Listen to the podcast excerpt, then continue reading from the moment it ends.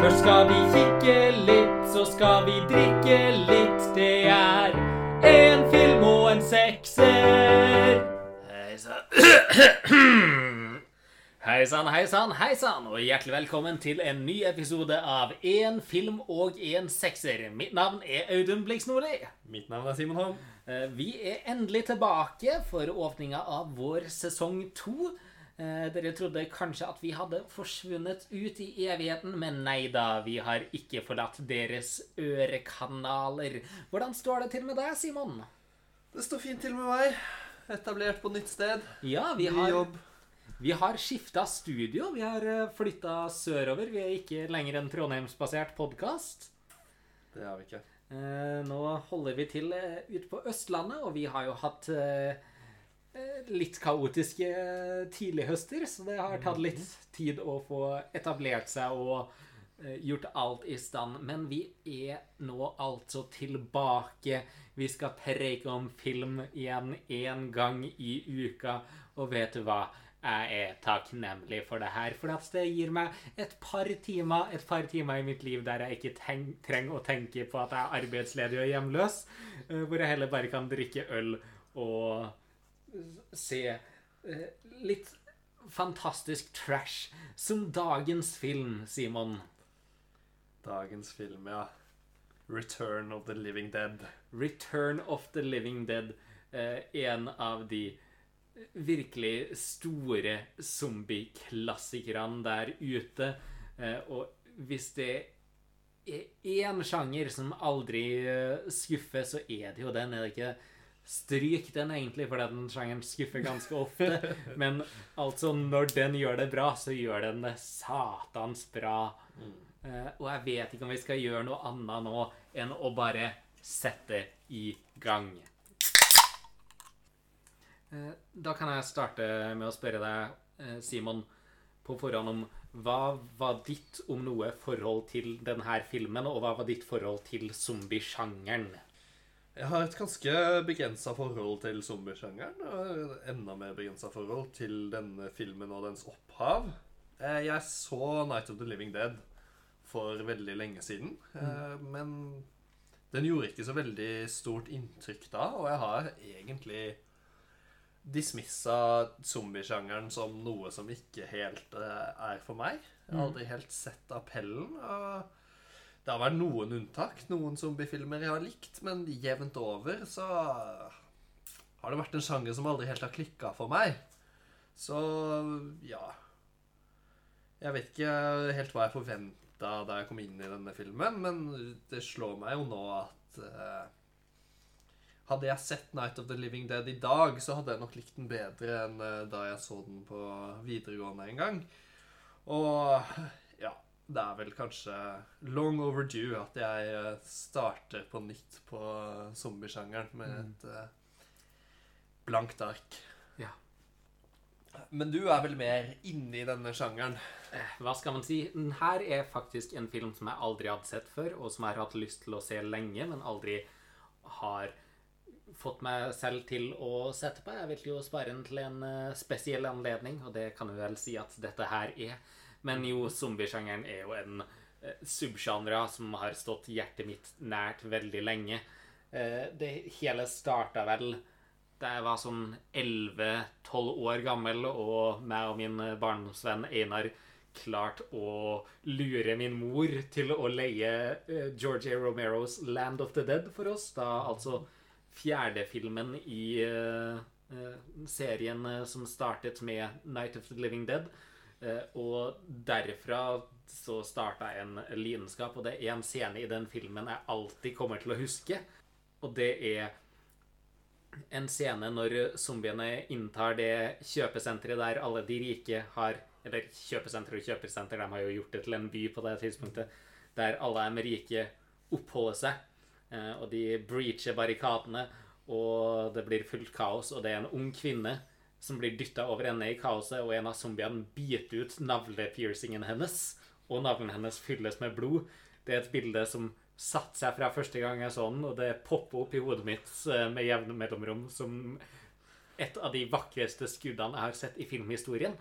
Eh, Og fra det av så har jeg jo vært ganske forelska i sjangeren. Eh, og sett en god del av Romero sine filmer, selvfølgelig. Eh, har jo blitt mye zombie-komedier eh, også, eh, der Shaun of the Dead jo topper absolutt alt. Det skal jo bare mangle. Det er jo Edgar Wright, eh, tross alt. Og også noen eh, av de italienske zombiefilmene. Da vil jeg jo særlig trekke frem den som er kjent som Zombie 2 eh, av Fulci, som jo liksom skulle være en oppfølger til Night of the Living Dead, men som også har blitt sin helt egen greie. Som hadde en også er kjent på engelsk som eh, Zombie Flesh Eaters, eh, som også fikk sine egne oppfølgere.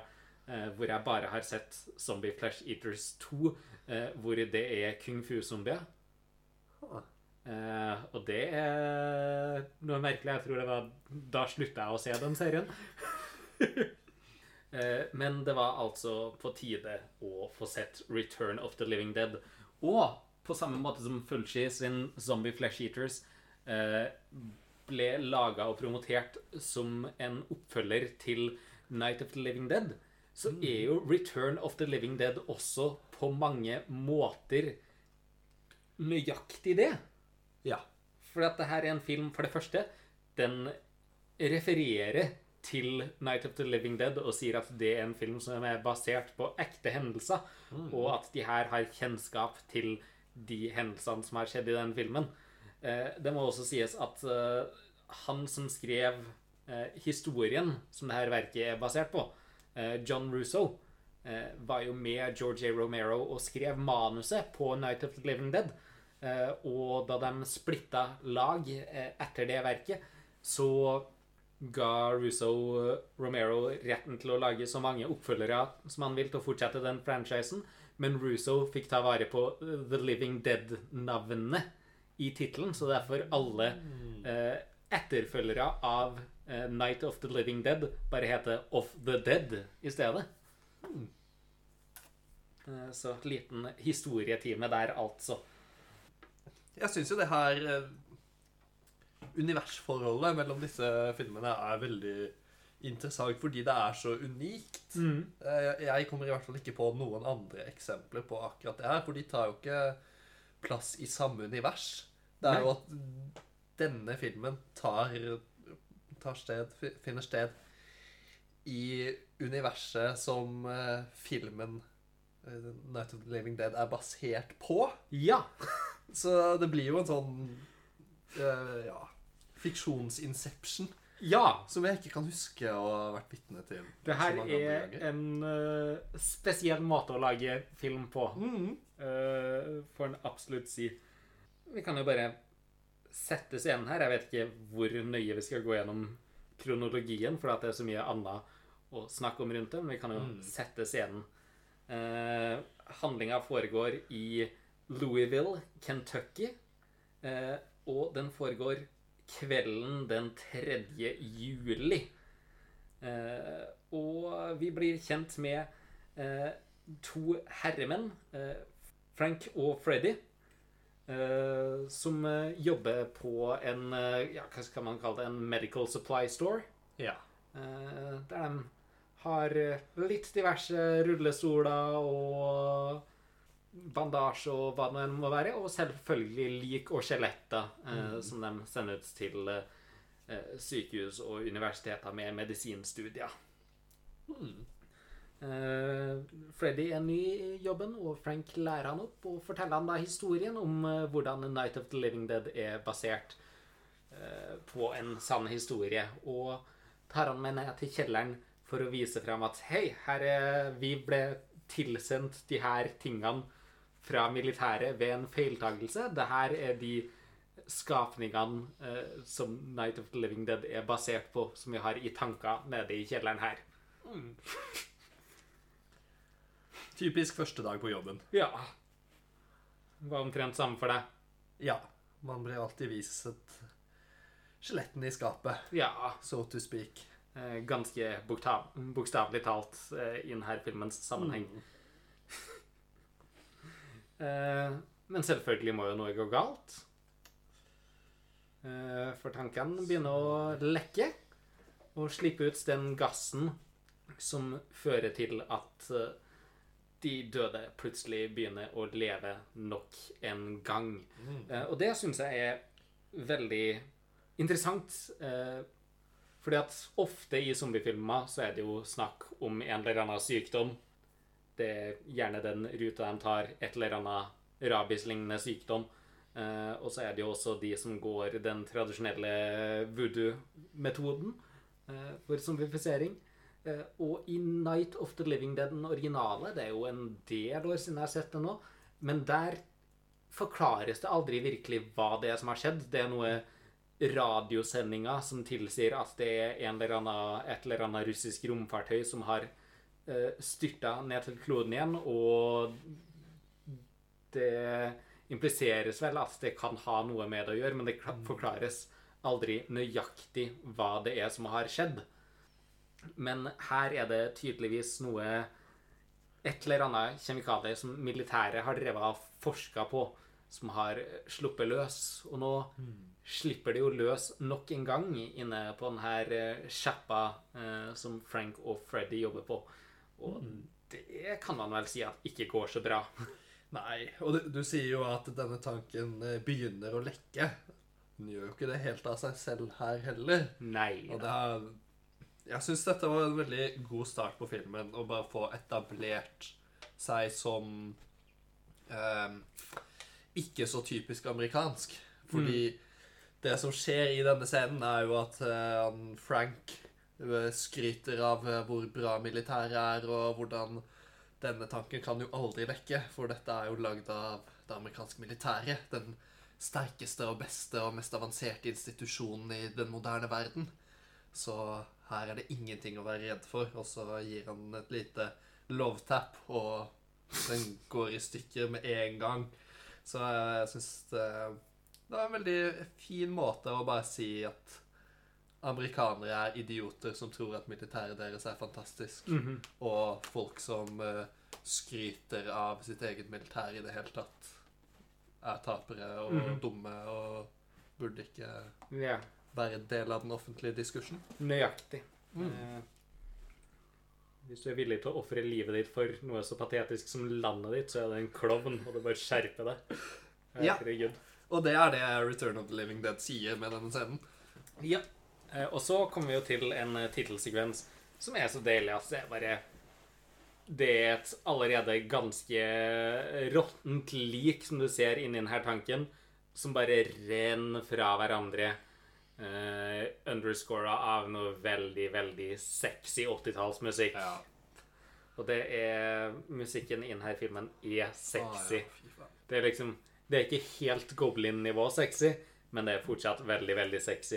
Og det uh, minner jo om Goblin uh, Ja, titt og og ofte. det er Da de laga denne filmen, så tok de bare en haug med lokale LA punk- og death rock-band og fikk dem til å skrive musikk for det, eller brukt allerede eksisterende musikk for det også.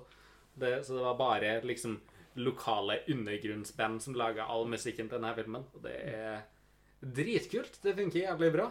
eh, For at det har en sånn punk DIY-estetikk gjennom hele filmen. Eh, Så hvorfor ikke gjøre det i soundtracket også?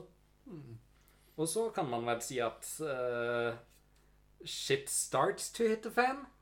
Ja, det er jo en veldig sakte ramp-up i denne filmen. Det tar lang tid før eh, det- tar litt tid før problemene starter, og det tar lang tid før problemene eskalerer nevneverdig. Men det er jo noe jeg setter pris på her, fordi det, det tillater filmen å faktisk bygge opp den historien. Ja. Det er ikke bare sånn på side to av manuset så er zombie eh, Hordene. Ja, så Infestationen er på vei og i gang, og eh, dramaet er i full sving. De lar det gå litt tid her hvor man eh, kanskje både, både vi som publikum, men særlig karakterene, begynner å tenke at de har kontroll på det her, og de begynner å finne ut av ting, og de lykkes med noe. og Jeg liker veldig godt at eh, det, det som til slutt utløser eh, selve utbruddet, er jo at de faktisk tror de har vunnet. De klarer å fange denne døde kroppen og kutte den opp. Få Og det, det kan man si her at Vi vet jo alle hvordan man dreper en zombie. Det har vi lært i alle zombiefilmer, og vi fikk til og med beskrevet det ganske tydelig i eh, Shaun of the Dead. Remove the head, destroy the brain. Det funker ikke her. Du kan kutte opp og knuse den her jævlaen så mye du bare vil. Og de fortsetter bare å gå etter deg, de. Ja. De stopper ikke. Det her er jo allerede etablert som en zombiefilm som eksisterer i et univers som, også har zombiefilmer. Og da sier det jo nesten seg selv at de triksa man ser på en serie, en film, Mm. funker jo ikke på ekte. Nei.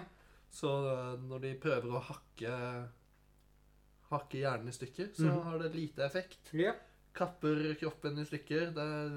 Delene beveger seg fortsatt. Ja. Så de finner jo ut at det eneste de kan gjøre, er å brenne den. Mm. Heldigvis så er det rett ved siden av det et uh, Krematorium. krematorium med tilhørende gravplass. Mhm. Så de tar med liket dit, brenner det opp, klapper seg hendene og klapper hverandre på skuldrene og sier 'job well done'. Mhm, Det her naila vi. Uh, good old American guys saving the day. Ja. Uh, det de ikke tenkte på, var jo at hmm, det var en gass som gjorde det her. Et eller annet kjemikalie som går inn i døde kropper og gjør at de kommer tilbake til live. Og kanskje når vi brenner et, en av de her jævlene, så slipper det ut det kjemikaliet? Ja. Muligens? Nei, kan jo ikke skje. Kan ikke skje. Men det skjer. Ja.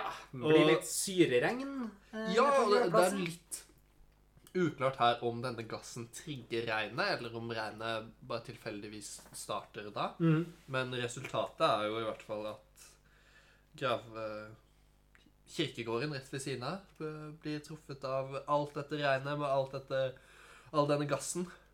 Og kroppene begynner å stå opp. Og da må vi nesten introdusere den neste eh, gruppa med karakterer som vi har med å gjøre, som er en ungdomsgjeng. Og man kaller gjerne en punkegruppe, men det er ikke bare punkere. Det er spesielt to karakterer som er veldig uh, lite punkere, både i attitude og i klesstil. Og jeg kalte det så mye som Breakfast Club hvis tre fjerdedeler var Judd Nelson. Ja, det er ganske accurate. Uh, og det her er jo en fantastisk bunch Ja. eh, som slenger ut karakterer I like sex, sex and death og He's got a job, what a dick. Ja, den introduksjonsscenen deres er jo et av filmens definitive høydepunkt. Eh, Hvor den er så Den er så over the top, både 80-tall i dialogen og i kostymene og i oppførselen, men den er også så over the top ungdommelig. Og ganske boomer. Det er et eh, jeg, jeg er usikker på hva de vil at vi som tilskuere skal synes om denne gjengen, men jeg får veldig inntrykk av at dette er folk som skal virke teite, men de virker jævlig kule. Åh, jeg har så lyst til å henge med den gjengen der. Ja, ja. Mer enn noe annet, liksom. Altså, jeg er kanskje litt for gammel for det nå, men herregud, hit me up. Ja. Og de kjører jo rundt fordi at de skal plukke opp uh, Freddy, uh, som har fått seg en jobb og er en dick på grunn av det. Eh, men uh, siden de er to timer for tidlig for å plukke om han opp fra jobb, så bestemmer de seg for å feste litt på gravplassen i stedet. Mm. Uh, hvor ei av de karakterene bestemmer seg for å øyeblikkelig strippe. Ja.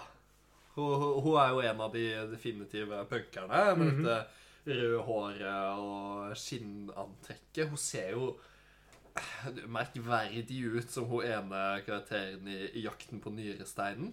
Det var i hvert fall det første jeg tenkte på. Med dette, denne røde sleiken bakover og Ja. Men hun klarer veldig fort å kvitte seg med den estetikken ved å Ja. bare rive av seg klærne og ja, begynne å danse på gravene. Ja, det som Ja. Det jeg må si at er et veldig rart valg av dem som lager denne filmen, er at hun kler seg helt naken. eh, bortsett fra at hun beholder de lange strømpene sine. Men av at jeg antar at produksjonen ikke hadde lyst til å vise noe genitalier i denne filmen, så har hun noe sære eh, over underlivet som gjør at hun ser ut som en Barbie-dukke. Som er et jævlig rart valg. Jeg hørte uh, jeg hørte på en podkast eller noe sånt eh, som snakka om denne filmen for en stund siden, og at produksjonen først, etter første opptak med det her, eh, ba hun uh, skuespilleren som spilte den karakteren, om å barbere vekk kjønnshårene sine, fordi at de følte at det var for drøyt. Eh, men så innså at et eh, barbert kjønnsorgan i hvert fall ikke er noe bedre enn et hårete et, og derfor bestemte seg for å gå den vrien. Men jeg følte også at den beste måten å trekke oppmerksomhet til noens kjønnsorgan er å prøve å sensurere det på en klein måte. Ja, absolutt. Så det er det eneste man ender opp med å se på, for at det er så absurd. Ja, det må jo, antar jeg, være en måte for denne filmen å få en snillere rating på, eller unngå noen slags Sensur, på en måte. anklagelser. Og, Ja. ja. Uh, men uh, rart valg. Veldig, veldig rart valg. Men det- det spiller jo også inn i hennes eh, altså fremtoning i visse scenene. For selv om hun er naken i denne scenen, og er det egentlig resten av filmen, fram Ja. til hun blir tatt av zombiene, og etter, Ja, for den saks skyld hun har på seg en vest på et tidspunkt, eh, Ja. men utover det så eh, hun seg avkledd, ja. mm. Men hun er jo veldig deseksualisert. Mm. Hun finnes jo ikke sexy. Nei. Selv når hun står der og prøver å danse seduktivt på, på denne graven og Ja, står der uten noe klær, så speiler jo på en måte den det sensurerte underlivet hennes eh, Hva skal man si? Seksuelle fremtoning og Men det må jeg også si på samme måte som vi snakka i Showgirls. eh, at denne karakteren er naken i 90% av eh, skuddene vi ser i, minst. Men hun er aldri seksualisert, bortsett fra når hun selv velger det. Nei. Nei, ikke i det hele tatt. Og det er mer enn jeg forventa av en sleazy 80-talls eh, skrekkfilm. Så det skal de ha kudos for. Mm. Det, det syns jeg absolutt at vi må fremheve her. Ja. Men eh, ja, festen på gravplassen skal jo fort ende eh, når de døde reiser seg. Og her kommer det også et dritkult skudd der du bare får et tverrsnitt av jorda. Og du bare går lenger og lenger ned fram til du plutselig kommer til en kiste og ser at noen begynner å bevege seg der, seg oppi der. Mm. Og herregud, det er dritfett. Ja, det er et av veldig mange faktisk overraskende ambisiøse eh, cinematografiske trekk i denne filmen. Som mm, på ingen måte samsvarer med det overordna lavbudsjett-estetiske uttrykket. Men de døde reiser seg, og nå begynner ting i mye større grad å gå til helvete. Eh, fordi at mennene prøvde å rydde opp i sin egen tabbe, og det gikk ikke så bra. Så nå følger basically en drøy time med kaos. Ja, og det er jo ikke så Man kan oppsummere den siste timen ganske raskt. Det er jo ikke så mye forskjellig som skjer. Det er disse folka som prøver å komme seg unna zombier, og for det meste klarer det. Bortsett fra noen unntak som eh, fører til at folk blir oppspist. Eh, men det er jo enkeltting man må snakke om, og da tenkte jeg bare å høre om hvordan du ligger an med ølen. Om jeg skal hente en til? Eller? Ja, gjør det. Godt å være tilbake med det der, altså. Jeg savna synkronisert ølåpning. Noe av det jeg virkelig vil snakke om, er zombiene i denne filmen. Mm. Eh, for at de er ganske annerledes fra det man er vant til. Ja. Det kan man si også at vi er alle kjent med zombier som skapninger som ønsker å spise hjerner. Eh, og vi er alle kjent med brains, brains. Noe som eksisterer i svært lite av zombiefilmer. Eh, altså, zombier er som regel ikke skapninger som ønsker å spise hjerna De er bare skapninger som ønsker å fortære kjøttet ditt. Eh, og har ikke noe særlig preferanser eh, for hvor det kommer fra.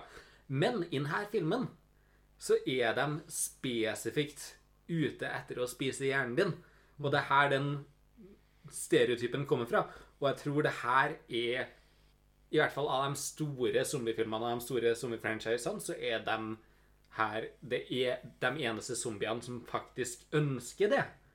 Uh, I tillegg så kan de her zombiene snakke. De sier ikke bare 'brains' hele tida, men de faktisk forklarer situasjonen sin.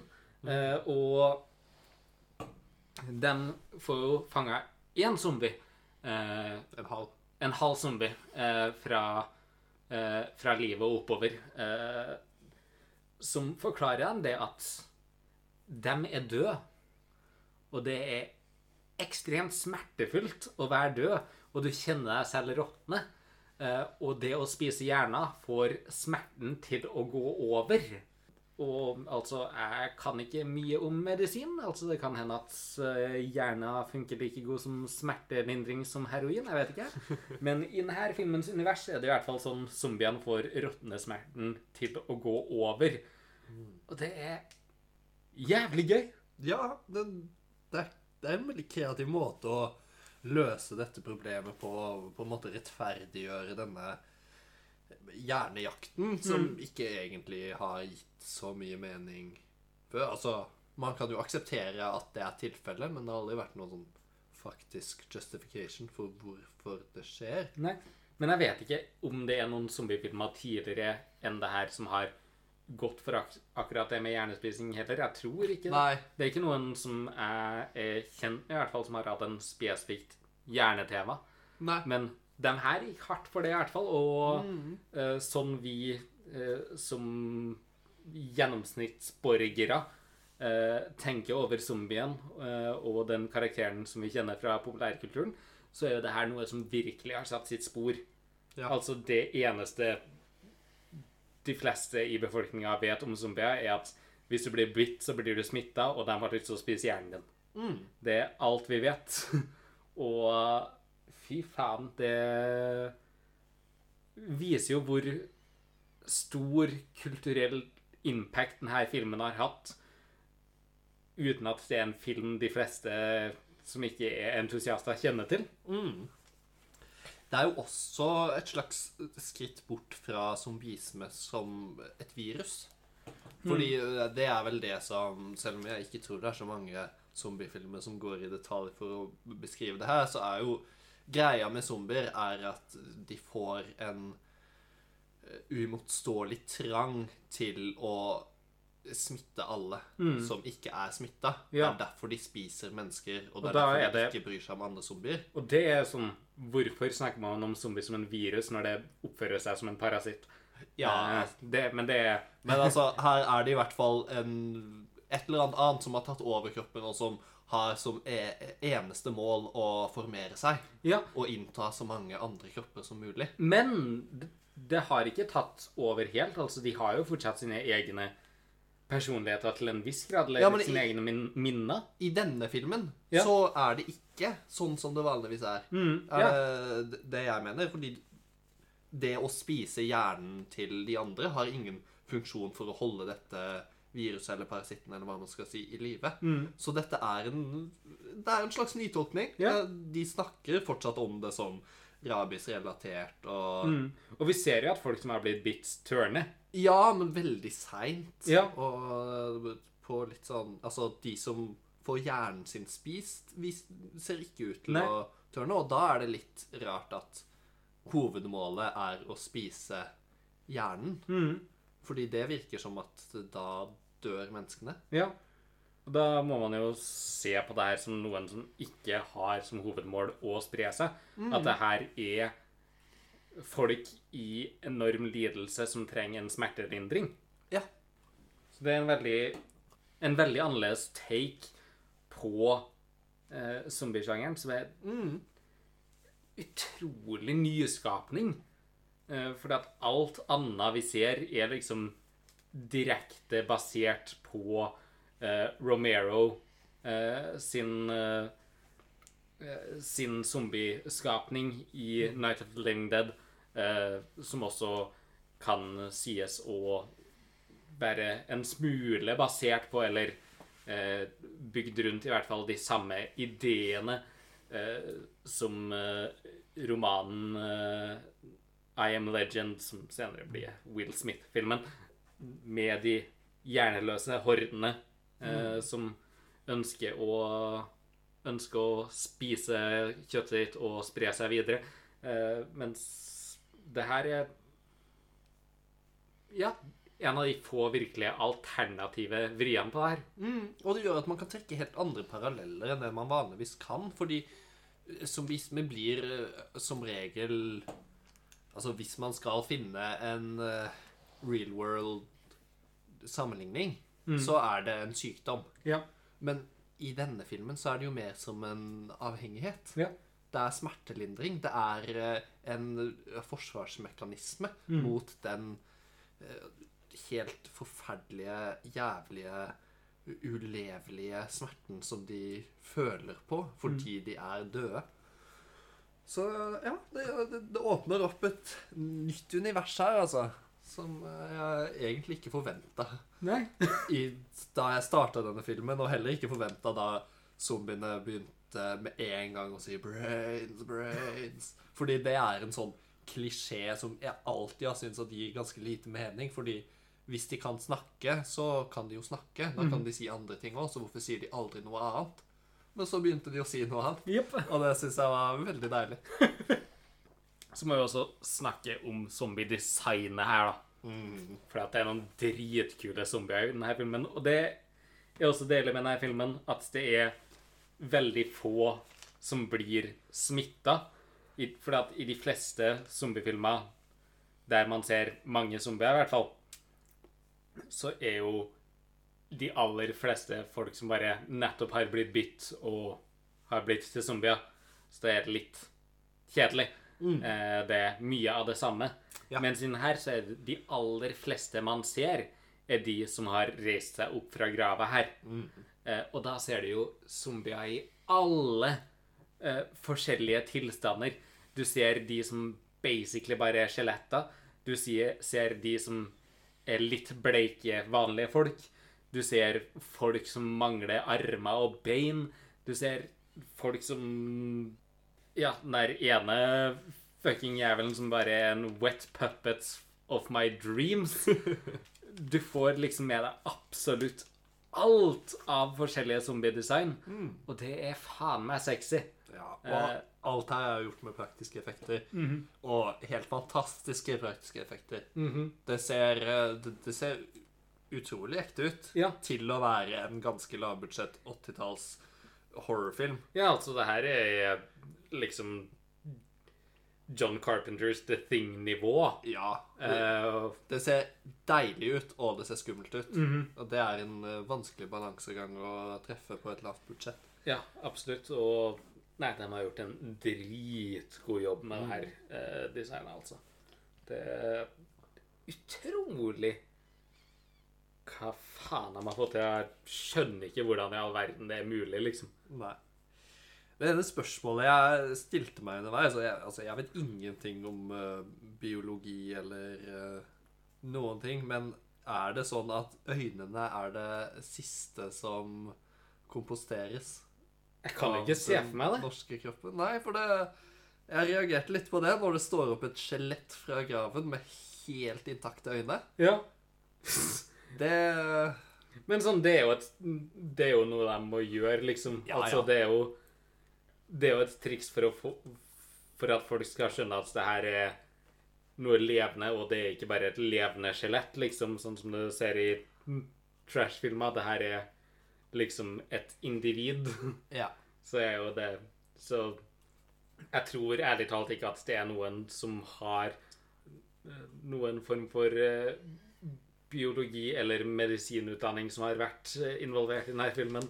Nei, og så er det jo også bare for å kunne vise disse faktiske skjelettene som eh, jakter på folk. fordi hvis de ikke har øyne, så har de jo heller ikke luktesans eller følelse eller hørsel eller noe. Så da kommer de jo ikke til å gjøre noe. De kommer Nei. til å ha en eh, trang etter å finne hjerner, men kommer bare til å vandre rundt meningsløst Ja, til denne trangen slukner.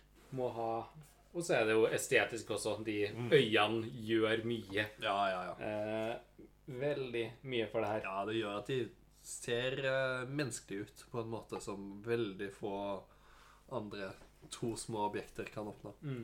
Men de her zombiene, det er jo ikke bare sånn at de kan snakke og de kan uttrykke en lyst på hjerner. Det er jo faktisk smarte skapninger Ja. også. Altså de, Ved flere anledninger så eh, Ja, det er jo to, eh, Frank og Freddy, som ble utsatt for denne gassen og sakte, men sikkert blir til zombier selv. Eh, og da tilkaller jo eh, de rundt dem ambulanse for å få dem. Og det viser seg at de er døde. eh, bare ved bevissthet. Eh, men ambulansepersonellet blir jo fort drept av de andre zombiene. Og de her zombiene finner ut at vi har ikke fått nok hjerner. Vi, vi har litt mer smerte vi trenger å lindre. Så da tar de jo bare walkietalkien i ambulansen og sier at hei, vi trenger litt flere ambulansepersonell hit asap. Og bare sånn Det er så genialt. Ja.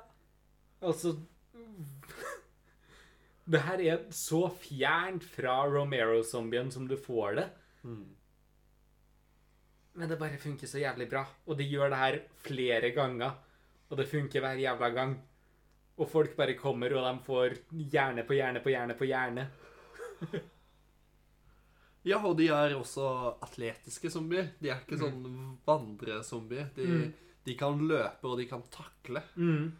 Og det må jeg si, i de fleste tilfeller så er ikke jeg noen fan av den løpende zombien. Sånn Ja, sånn som du finner i eh, 28 Days og 28 Weeks Later og sånn. Jeg syns det fjerner så mye, for da er det bare en eller annen skapning som springer kjapt og tar deg, liksom. Det, det som er skummelt med den klassiske zombien, er liksom den her store, treige horden Ja. som du kan springe unna, men den kommer alltid til å ta deg igjen. Det er det som er så vakkert med den, liksom. Det er det som gjør at den er så skremmende. Og jeg syns ikke det funker like bra når den løper. Da blir det mye mer en actionfilm enn en uh, skrekkfilm ut av det. Eh, men inn her, med den her alternative zombien, som er smart og har menneskelige funksjoner, så gir det så mye mer mening. For at hvis liket er i en sånn tilstand at det er at mennesket hadde vært i stand til å springe, eh, så selvfølgelig kan den fortsatt springe. Ja. Det bare Det funker i denne storyen. eh, der jeg føler at det ikke er like effektivt i en tradisjonell zombiefilm der zombiene i mye større grad er basert på Romero-zombien. Mm. så endelig har jeg funnet en zombiefilm med løpezombier som jeg liker. Ja, og det, er nok også litt fordi at eh, så fort det er hovedkarakterer som er blant zombier, så kan de ikke løpe lenger. Når f.eks. to av karakterene skal kjempe seg ut til bilen sin, så går de gjennom en eh, full horde med zombier og slår et par-tre av de med balltre, og så løper de til bilen sin. Og rett før dette så har vi sett de løpe og takle politimenn uten noe problem. Men eh, nå har de mista den egenskapen. Ja. Så det er jo litt sånn convenience her også. Men det hjelper jo å bevare suspensen på, på en helt annen Men, men så er det også sånn eh, forskjell på zombiene også. Altså noen, noen får det til, andre får det ikke til fordi at de er ikke i en fysisk tilstand der det er mulig. Mm. Eh, som gjør at du får den variasjonen inniblant horden også, Mm. Uh, som hjelper mye på. Uh, så er det jo Frankie og Freddy, da, Uh, som jo har blitt smitta gjennom de her kjemikaliene.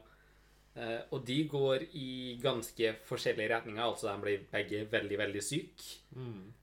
Og etter at det viser seg at ambulansepersonalet de kommer ikke tilbake igjen, så blir de jo isolert. Eh, og Freddy, han eh, får en veldig, veldig stor trang til å spise hjerner pga. smerten sin, og går veldig hardt inn for det. Eh, og skaffer seg litt hjerner å spise. Eh, Frank går i en ganske annen retning. Ja, og hans valg fører jo til det jeg syns er filmens høydepunkt. Filmens beste scene. Hvor han går til krematoriet, tenner flammene, klatrer inn i ovnen og lukker døra bak seg. Og alt er satt til Rocky Eriksons 'Burn the Flames', eh, som er en sang som både tematisk og estetisk fungerer jævlig godt i den scenen. Og røyken som kommer ut idet han lukker døra bak seg Det er så vakkert. Det er så tragisk. Og det er bare Og det er liksom Fantastisk. det er et så emosjonelt og sterkt øyeblikk eh, inni all den her galskapen og kaoset, liksom. mm. Eh, og det er bare en fyr som har innsett at Og Freddy er jo en ung mann, mens Frank er ganske mye eldre familiefar og har en ganske stor ansvarsfølelse. da. Mm. Eh, og at han da velger å ta det valget og ofre seg selv da han vet at han kommer ikke til å kunne gjøre noe annet enn å skape jævelskap framover. Mm. Det liksom Det det er heftig.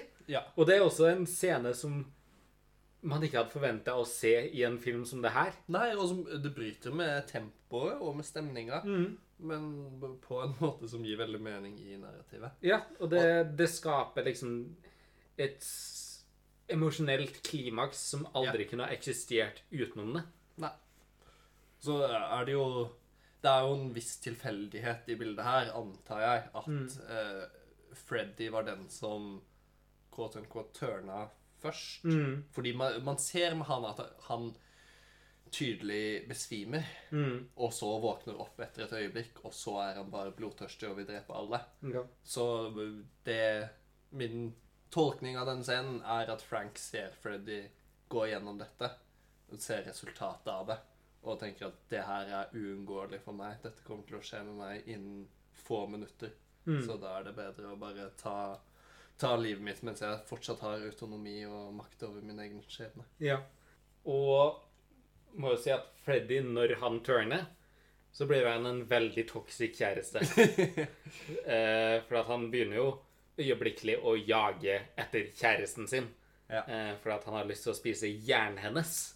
Eh, og når, eh, når hun har stengt seg inne, og han prøver å bryte seg inn der, hun, så skader han seg jo.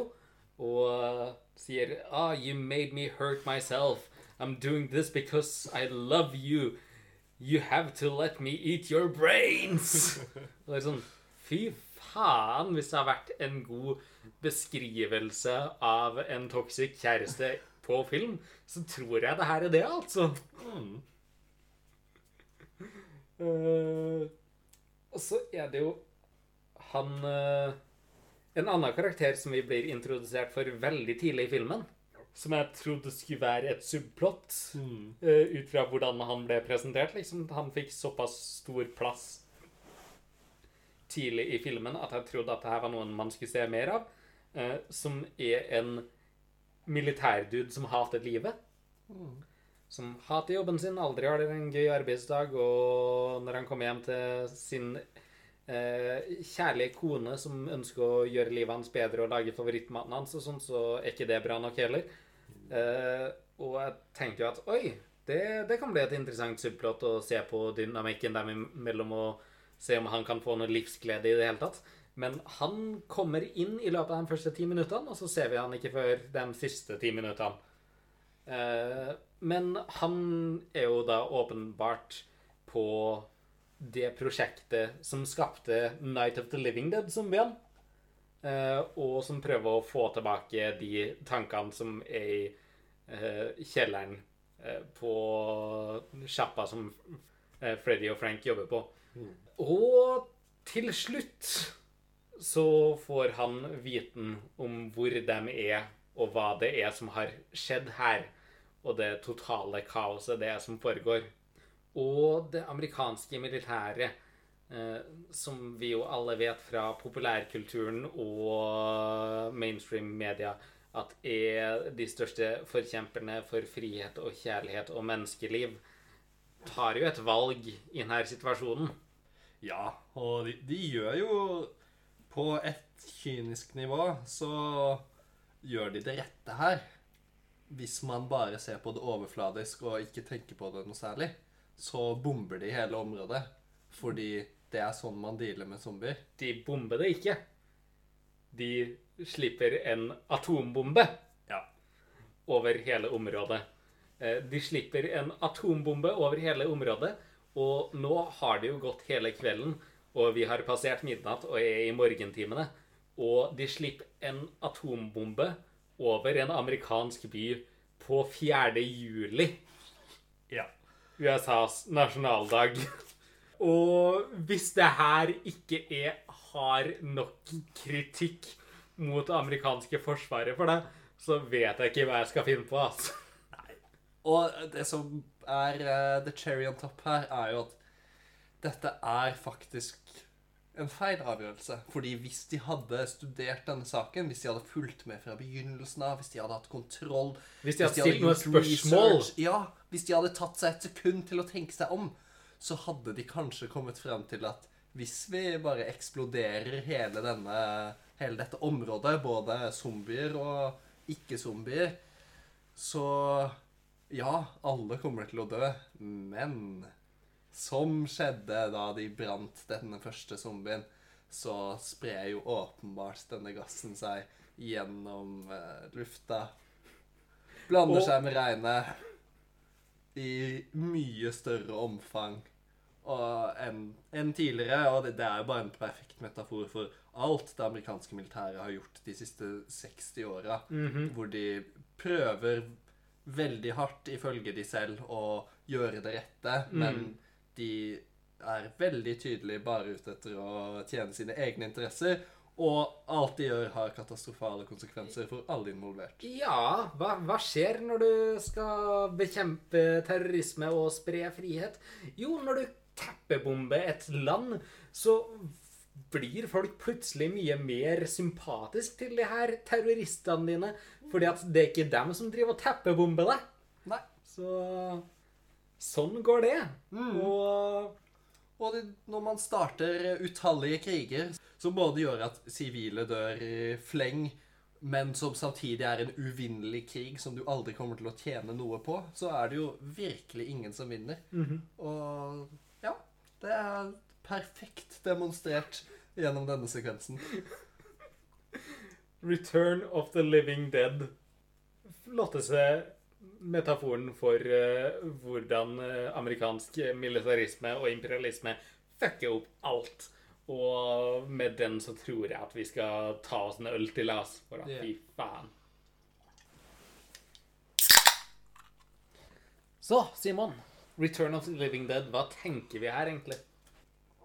Jeg må jo fortsatt si det eh, aller først, at zombiesjangeren og de syntaktiske strukturene som ligger eh, helt sentralt i sjangeren, er ikke det som treffer meg best, eller som appellerer mest til meg. Noen av storybeatsa, noe av dramaturgien og den- den overordna sekvensieringen eh, blir litt sånn uinteressant etter man har sett det mange nok ganger. Men denne filmen er den første zombiefilmen jeg har sett på ganske lenge som klarer å bryte med det her på en måte som ikke bare er at detaljene er annerledes, men at hele handlingsforløpet blir annerledes både underveis, men aller mest, syns jeg, av denne her aller siste scenen, hvor alt bare både tilintetgjøres, men også forverres. Mm. Som jeg ikke kan huske å ha sett i en lignende film. Eh, Og det er jo et eh, På en måte så er det jo en slutt som lager en veldig naturlig sti til en oppfølger. Så hvis man vil se på det på den måten, så er det jo noe noe billig, eller sånn, men det er samtidig den eneste veien ut av den situasjonen de har skapt her. Og Return of the Living Dead fikk vel to oppfølgere. Ja. Eh, men jeg syns heller ikke at det skal ta noe vekk fra denne avslutninga. På ingen måte. Fordi at det her er den naturlige avslutninga å ha Det det. for en film som har hatt denne tematikken og det her kritiske blikket på eh, det amerikanske militæret og dets handlinger. Mm. Så det blir jo det, det står jo igjen som den eneste utveien på slutten av filmen her. Det er ingen måte for de å faktisk redde seg selv på. Det er ingen måte for noen andre å redde de på, med mindre de finner ut av en eller annen sånn mirakelkur mot eh, Mm. denne zombismen. Så ja, det, det det gir mening på en måte som veldig få zombiefilmer gjør. Mm. som ikke bare er at filmen presenterer oss med noe informasjon og noe fakta som man må akseptere, men som det, altså, dette er informasjon som springer naturlig ut fra vårt univers også. Og all informasjonen vi har fått i løpet av filmen, samsvarer med konklusjonen. Ja.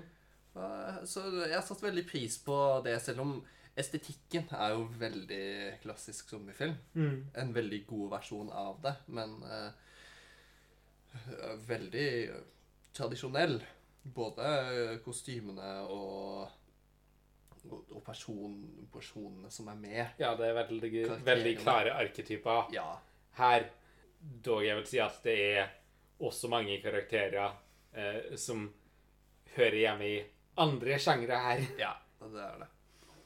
Det, altså, det her er jo egentlig bare en 80-tallsfilm heigna opp til det høyeste du kan få en 80-tallsfilm. Det virker jo Altså, e- en film jeg tenkte på opptil flere ganger i løpet av filmen, og det sier jo ganske mye, var jo Wet Hot American Summer. Som kom ut i ja, 2001. Som er en hyperbolisk representasjon av dette 80-tallet. Og disse karakterene hadde jo i, I hvert fall disse ungdomskarakterene hadde hoppa rett inn i Wet Hot American Summer-universet. Ja, de kunne ha vært noe fucked up counselors der. Ja. Også, Eh, Eller noen av de karakterene de møtte på byutflukta, i det minste. Ja. Så det, det, det blir jo Det er jo en overdrivelse i dette universet som Jeg vet ikke hvem des, den skal tjene, Nei. men uh, den, den tjente meg fordi jeg syns det var fantastisk morsomt og veldig gøy å følge de her eh, overdrivelsene. Men det er jo liksom det, uh, fordi at du snakka om hvordan det her var karikaturer, karikaturer laga av boomers, som allikevel er appellerende til oss. Og det minner meg veldig mye om mye konservativ og kvasifascistisk uh, meme-kultur på internettet, der de prøver å representere hva venstresida mener og sette det i et stålig lys, der jeg tenker Shit, det her er jo bedre enn det jeg ønsker. Tusen takk for at du gir meg en ny ideologisk driv, liksom. Ja. Så hvis de prøvde å vise de her punker ungdomskidsa som noe dårlig, så fucka de opp med det. For at absolutt. jeg har så lyst til å henge med den gjengen. Ja. Og det, det viste jo i det aller minste en innsikt i sin egen kultur og sin egen tidsperiode, og klare å dra ut de samme trekka fra det, som da var dagens ungdom, og, over, og, og, overdrive som det man gjør 20 år senere. Jeg tror også de gjorde et rett triks i at de karakterene i den gjengen som var de aller mest ekstreme, uh, var dem som døde aller først også. Så da blir aldri karikaturene gammel. Eh, fordi at de var på skjermen i såpass kort tid, så var de mer jordnære, dog fortsatt uh, ganske overdrevne karakterene som fikk mest skjermtid, og Ja. det var også dem man i størst grad kunne identifisere seg med. Absolutt. Eh, så det var et eh, smart trekk, selv om jeg kanskje gjerne kunne ønska meg litt mer av dem også. Ja, for altså, de, særlig de Det er vel de to første karakterene som dør, som er hun rødhåra og han Gjenglederen som er bare Han som kjører bilen. Ja, han som er ekstrem på absolutt alt, og alt han sier, er et utbrudd. Ja. Og de, de, er jo sånn sitatmaskiner. Så det, på, på en måte relatable, men aller mest bare fantastisk morsomme. Og eh, hvordan hun ankommer dette Eller hvordan hun sier når, når de ankommer dette kjipe, tørre, gamle, slitte bygget, og de, de andre begynner å kritisere det, og så sier hun I like it. It's a statement. Det, det er jo bare fantastisk. Og Ja. hans monolog nesten inn i kamera, eller rett ved siden av kamera, som en sånn teatermonolog, sier at dette her jeg har på meg, det er ikke bare kostyme. This is a way of life. Åh, jeg, Jeg har så lyst til å ta en øl med begge dem. to. ja, så på, på en måte så er det veldig synd at de er de første som dør. Fordi det, det hadde tilført enda mer humor og bare attitude til denne filmen hvis de kunne fortsatt å snakke. Ikke sant? Men jeg ser det for oss to spesielt. At for min del kunne de gjerne vært med hele veien. Men jeg tror også at for et allment publikum så kunne den fort blitt gammel. Ja. At det kunne fort blitt for mye av det gode. Mm, og det kunne det også for oss. Ja, absolutt. Så jeg tror jeg kunne gjerne holdt dem levende i tre til fire scener til, i hvert fall minst. Mm. Uh, men jeg tror det var et lurt valg uh, å la de to være de første som forlot oss. Ja. Og det er jo også Noen av filmens høydepunkter er jo henne som zombie. Mhm. Hun som løper rundt eh, naken, men eh, fortsatt intakt. intakt. -hmm. Og særlig eh, Jeg vet ikke om det her var på noen måte med vilje, men den siste scenen man ser henne i, så har hun blitt så bleik at kroppen er helt kritthvit, men håret er, fortsatt knallrødt. Så hun ser nøyaktig ut som Ronald McDonald. Helt sånn to a T. Og det, det, det er veldig morsomt. Antageligvis ikke intendert, men uh, fremdeles Det funker bra. Og så vil jeg også snakke om skuespillet i denne filmen. For at jeg tror ikke det er noe i denne filmen Jeg tror ikke det er en eneste replikk som er fremført, som ikke er over the top. Nei. Alt er så ekstremt, og hver eneste replikk som er slengt ut, så å si er liv og død. Enten er det liv og død, eller så er det veldig sensuelt. Og faen, det er deilig. Eh, spesielt for en som meg, eh, som har Nicolas Cage som er favorittskuespiller. Så det er deilig å se et spill som er så ekstremt. Mm. Eh, og altså, det, det hadde aldri funka i en annen film enn det her. Men i denne konteksten og i det her universet vi eksisterer i, så er det bare så fantastisk. Det er ingen som ikke brøler til enhver tid. Og det hjelper jo også med å bare holde stemninga og intensiteten oppe hele tida. For til og med når det ikke er noe som skjer, så er det alltid noe som skjer. Fordi at folk freaker ut konstant. Ja, det, er jo en livstro skildring av hvordan folk flest ville reagert i en sånn her situasjon. Hvis man ser én venn bli spist opp eller drept i det hele tatt, så kommer man til å være ganske fra seg Jo. resten av kvelden. Men det starter jo før det også. Ja, ja, ja, altså, altså, spesielt klart. med punkerkidsa, Ja, ja, ja. så er det jo så over the top. Ja, ja, det det er jo en Og sånn en freakout for hver eneste minste ting som ikke er gærent engang. Ja. Det, det, det er noe veldig Både noe veldig sånn stilted og eh, innøvd over Mm. det, men også bare noe hysterisk og performativt over det, da, som du Mm. er inne på. Det, virker nesten som alle er på audition Mm. og skal prøve å outperforme hverandre. Mhm. Og det, det er veldig gøy. Ja. Jeg vet ikke om det er Jeg er glad ikke alle filmer er sånn. ja. Men jeg er veldig glad for at denne filmen er det. Ja. Jeg vil også trekke fram bare en sånn Det er en liten detalj som eh, eh, kanskje ikke så mange bryr seg om eller legger merke til, eh, men det er noe som annet eh, John Mulaney og Nick Crolls Oh Hello on Broadway Mm. tar opp, eh, som er dette med telefonsamtaler i filmer.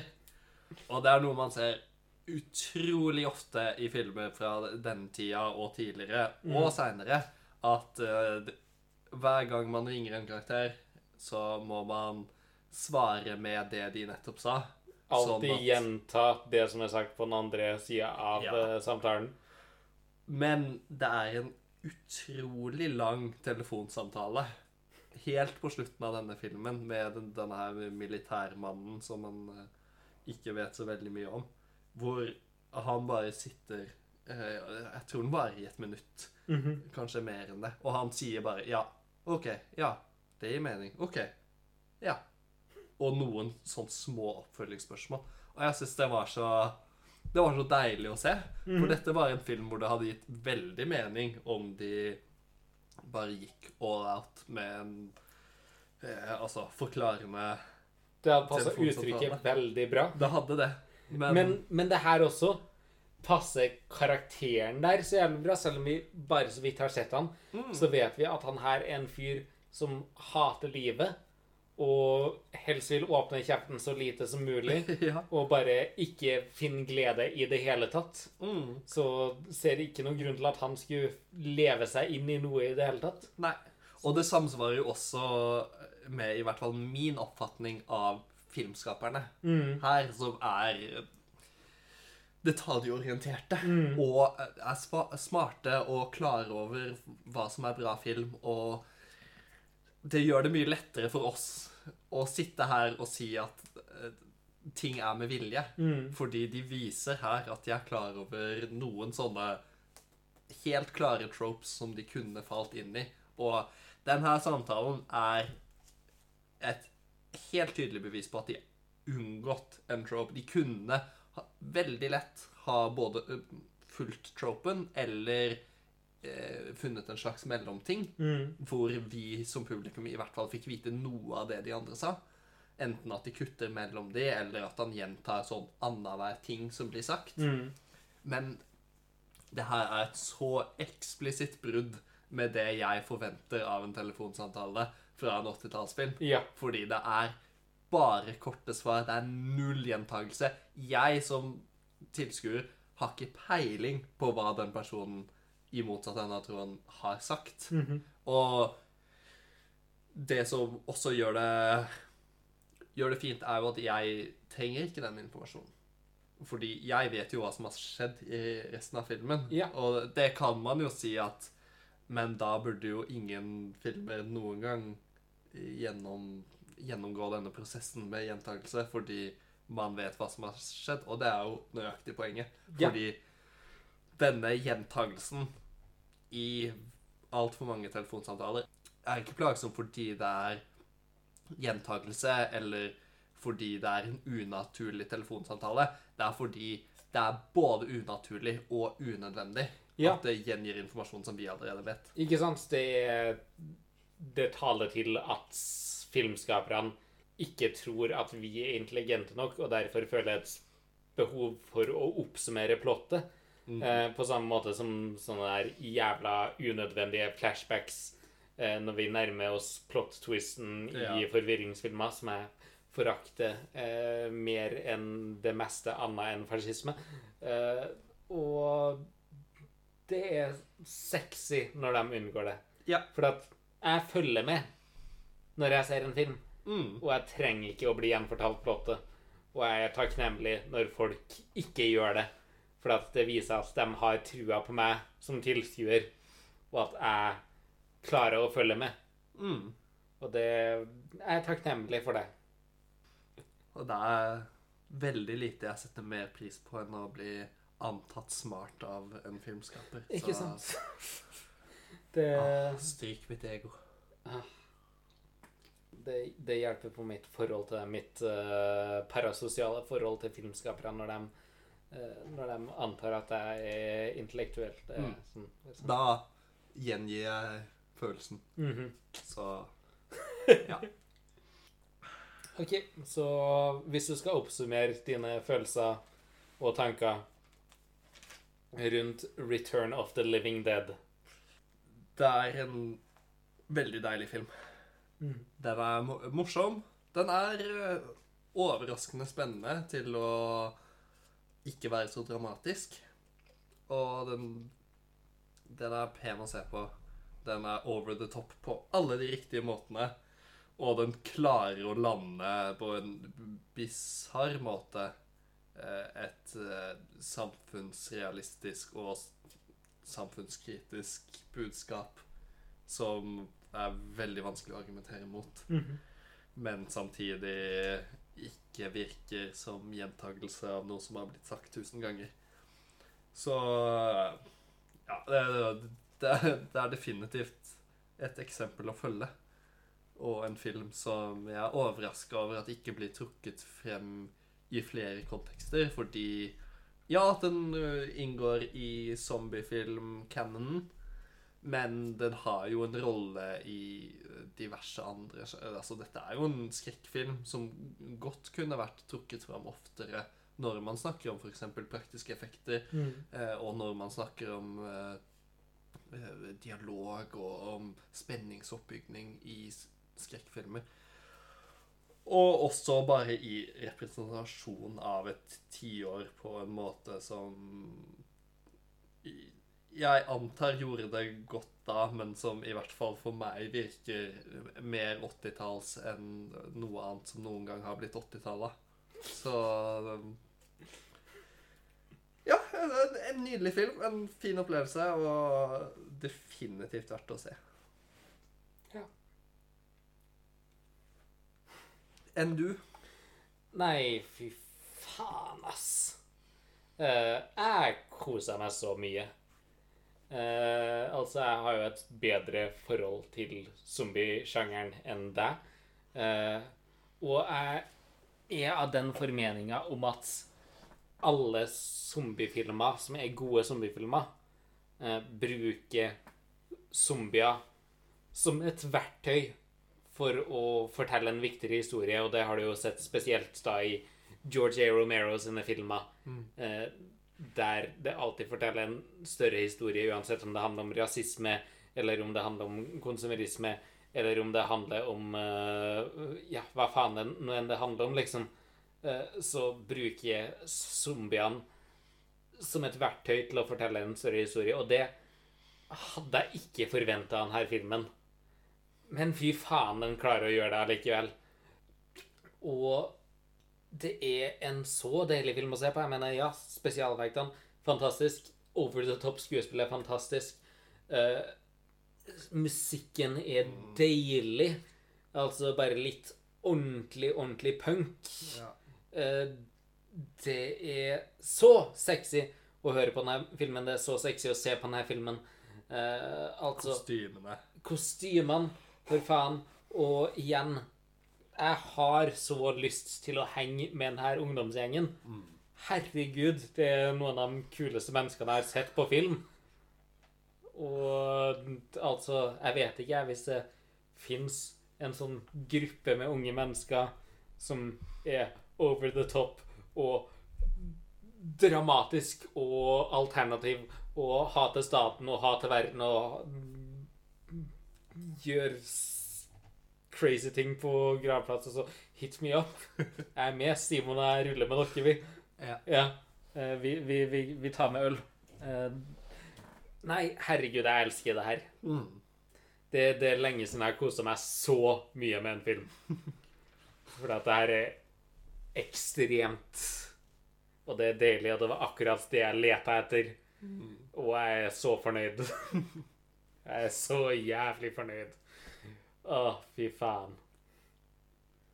Nei. Altså, jeg gir den her min høyeste praise. Og gjett om jeg kommer til å se oppfølgerne, og jeg antar at jeg kommer til å være skuffa. Det er fullt mulig. Åh. Simon, hvordan føles det å være tilbake? Uvant. Ja, Nå har det gått så lang tid. Litt ute av trening? Ja, Ja. kanskje. Det, Ah, det føltes nytt. Mm. Nå er vi jo et nytt sted. Da. Nytt sted, Ny ny, sesong. Ny sesong, ja. Altså, vi Altså, jeg hørte på en podkast nå i løpet av sommeren at uh, 21 er kneika å treffe. Uh, den gjennomsnittlige podkasten